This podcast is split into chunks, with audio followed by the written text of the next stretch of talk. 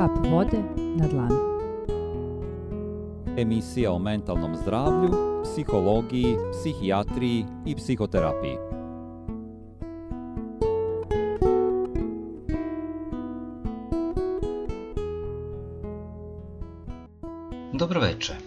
Moje ime je Igor Pavluković i u ovom izdanju emisije Kap voda na dlanu, posvećenoj mentalnom zdravlju, predstavit ću vam socijalnu izolaciju, u smislu kako se ona definiše u psihologiji i šta kažu rezultati istraživanja osvrnut se na aktuelnu situaciju u vezi pandemije koronavirusa.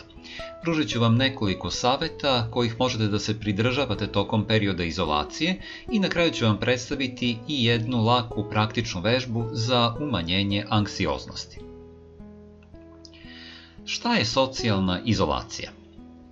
Socijalna izolacija podrazumeva objektivno uklanjanje i socijalnih kontakata i odnosa koji mogu nastati dobrovoljno ili prinudno. Izraz percipirana društvena izolacija koristi se za uključivanje subjektivnog osjećanja usamljenosti.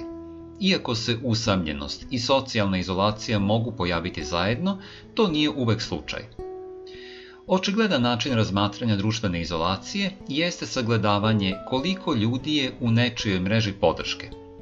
Drugi važan faktor je funkcionalna uloga koju ljudi igraju u pogledu socijalne podrške koju mogu ili su voljni da pruže. Socijalna podrška može doći u velikom broju oblika koji se mogu podeliti u četiri široke kategorije – emocionalna u vidu negovanja, zatim informativna, onda su tu druženja i na kraju materijalna vrsta podrške. Ove podrške mogu doći iz ličnih i profesionalnih izvora, to jest neformalnih i formalnih. Neko ko je socijalno izolovan može imati nedostatak podrške preko više domena. Razlika je da li se govori o percipiranoj podršci na suprot stvarnoj podršci. Percipirana socijalna podrška povezana je sa boljim ishodima mentalnog zdravlja, ali ne postoji ista povezanost sa stvarno dobijenom podrškom. Teorija relativne regulacije sugeriše da to može zato što interakcija sa drugima kroz svakodnevne razgovore koji odgovaraju individualnom ličnom ukusu pomaže promovisanju emocionalne regulacije, poboljšavajući na taj način sposobnosti suočavanja. Postoji više faktora koji mogu doprineti socijalnoj izolaciji, uključujući faktore iz okruženja i lične faktore poput ličnosti. Mentalne bolesti takođe mogu imati veliki uticaj. Potencijalne posledice socijalne izolacije, bez obzira na godine, uključuju oslabljen imunni sistem, loš kvalitet sna, povećan rizik od depresije, demencije, srčanih bolesti, moždanog udara i smanjen kvalitet života. Povećanje rizika je slično onome što se vidi kod gojaznosti ili pušenja. Šta pokazuju istraživanja? Kanadski podaci ukazuju da je 20% starijih odraslih osoba socijalno izolovano. Australijski podaci pokazuju da 9,5 stanovništva starijeg od 15 godina prijavljuje nedostatak socijalne podrške, a najviše stope prijavljene su u 11,7% u kategoriji starosti 55 do 59 godina.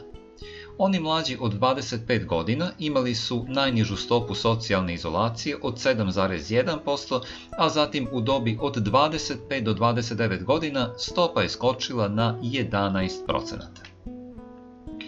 Izgleda da vlasnicima kućnih ljubimaca upravo njihov ljubimac može povećati socijalni kontakt i na taj način smanjiti izolaciju, mada to verovatno prilično zavisi od vrste kućnog ljubimca. Na primjer, Ako neko ima pticu, zamorca ili hrčka kao ljubimca, neće biti u obavezi da ga izvodi napolje kao kada bi imao psa, ali će taj ljubimac da mu svakako privlači pažnju. Vrsta socijalne podrške koju pružaju kućni ljubimci je značajna. Kako se socijalna izolacija može predstaviti u odnosu na aktuelnu situaciju povezanu sa pandemijom koronavirusa? Sa trenutnom pandemijskom situacijom, Mnogi ljudi se suočavaju sa prisilnom izolacijom u fizičkom smislu.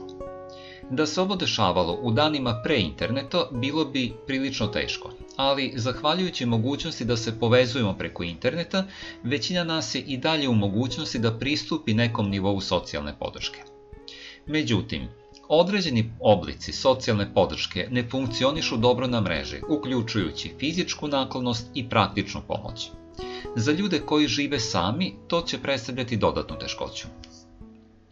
U trenutnoj situaciji, zbog pandemije, preporuka Svetske zdravstvene organizacije je izolacija u fizičkom smislu.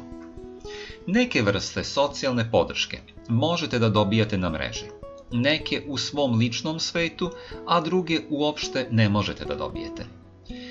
Čak i mala podrška koju možete da dobijete umanjit će kod većine osjećanje usamljenosti. Što se tiče rizika od negativnih uticaja na zdravlje, moje mišljenje je da bi bilo kakav uticaj bio manji u poređenju sa efektima kakve ima, na primer, depresija. Sa izbijanjem koronavirusa COVID-19 i njegovom velikom medijskom pokrivenošću, Važno je i neophodno je brinuti se za svoje zdravlje, zdravlje svojih najmilijih i tragati za rešenjima za neizvesnosti koje predstoje. Pažnja usmerena na potencijalnu pretnju je normalan mehanizam za suočavanje koji nam pomaže da otkrijemo opasnost i preduzmemo korake da se zaštitimo. Međutim, kada naše brige postanu uporne, preterane i počnu negativno da utiču na različita područja našeg života, anksioznost može postati briga sama po sebi. Anksioznost utiče na naše misli, osjećanja i ponašanja, tako da ako ste preduzeli razumne korake da se pripremite i sledite zvanične smernice, ali budete zabrinuti, preplavljeni ili se osjećate primorano da radite stvari koje inače ne biste želeli da radite, korisno je da se fokusirate na strategije za upravljanje anksioznošću. Predstavit ću vam nekoliko načina da se pobrinete za sebe i upravljate svojim mislima, osjećanjima i reakcijama na aktuelnu epidemiju koronavirusa tokom izolacije. Zabeležite tačne podatke iz verodostojnih i pouzdanih izvora koji pružaju činjenice o tome kako se zaštititi. Na primjer, informacije koje dolaze preko Ministarstva zdravlja i sledite zvanične smernice, čak i ako su u suprotnosti sa vašim planovima i ako u vama izazivaju osjećaj brige, napetosti ili razočaranja. Razmislite o traženju dodatnih informacija koje treba da imaju za cilj da vam budu od koristi. Ako za dodatnim informacijama budete tragali samo na osnovu potrebe da nešto saznate, i ako vam ne pomažu u donošenju važne odluke ili preduzimanju odgovarajućih radnji, dodatne informacije onda neće biti korisne i mogu vam pogoršati anksioznost. Postavite dnevno ograničenje vremena i učestalosti konzumiranja informacija. To može značiti da skratite boravak na društvenim mrežama ili da značajno umanjite gledanje vesti na TV-u. Usred sredite se na stvari kojima upravljate, kao što je pranje ruku, održavanje dobre higijene i pridržavanje uobičajene rutine gde je to moguće. Pokušajte biti pažljivi i u potpunosti prisutni tokom svojih uobičajenih svakodnevnih aktivnosti kako biste pomogli sebi da preusmerite svoje misli od zabrinjavajućih misli. Ako primetite da uporno razmišljate ili zamišljate najgore slučajeve, pokušajte da uravnotežite te misli sa pozitivnim situacijama koje mogu izaći iz ove situacije. Bavite se omiljenim hobijima ili opuštajućim aktivnostima kod kuće, e, dok na drugim mestima možete biti često izloženi neizvesnosti. Možete pokušati da kod kuće svesno stvorite umirujuće okruženje. Ako se osjećate usamljeno ili izolovano, razgovarajte sa prijateljima, porodicom ili ljudima koje poznajete, telefonom ili putem aplikacija za komunikaciju kao što je na primjer Skype i slično. Pokušajte da ne pratite obsesivno ažuriranja na društvenim mrežama.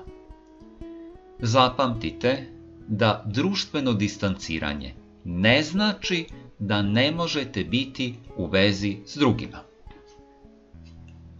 Ako ste bili ili ste trenutno na lečenju mentalnog zdravlja, razgovarajte sa svojim psihijatrom, psihoterapeutom, zdravstvenim radnikom ili savetnikom o mogućnostima da nastavite seanse telefonom ili putem videokonferencije. Pokušajte da održite osjećaj smirenosti i nade, usred sređujući se na male pozitivne stvari koje se dešavaju.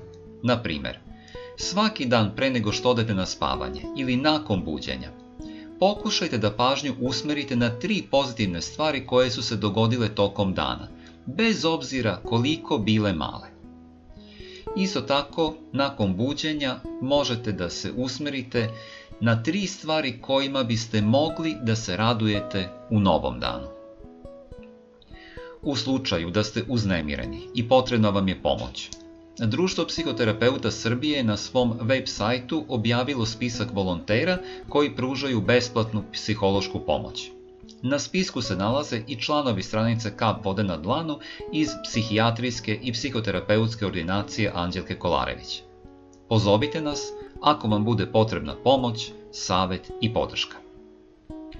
Za kraj, jedna tehnika za opuštanje. Zauzmite udoban položaj, najbolje u sedećem stavu. Bilo bi poželjno da leđa držite pravo. Zatvorite oči i polako udišite i izdišite uobičajenim ritmom disanja.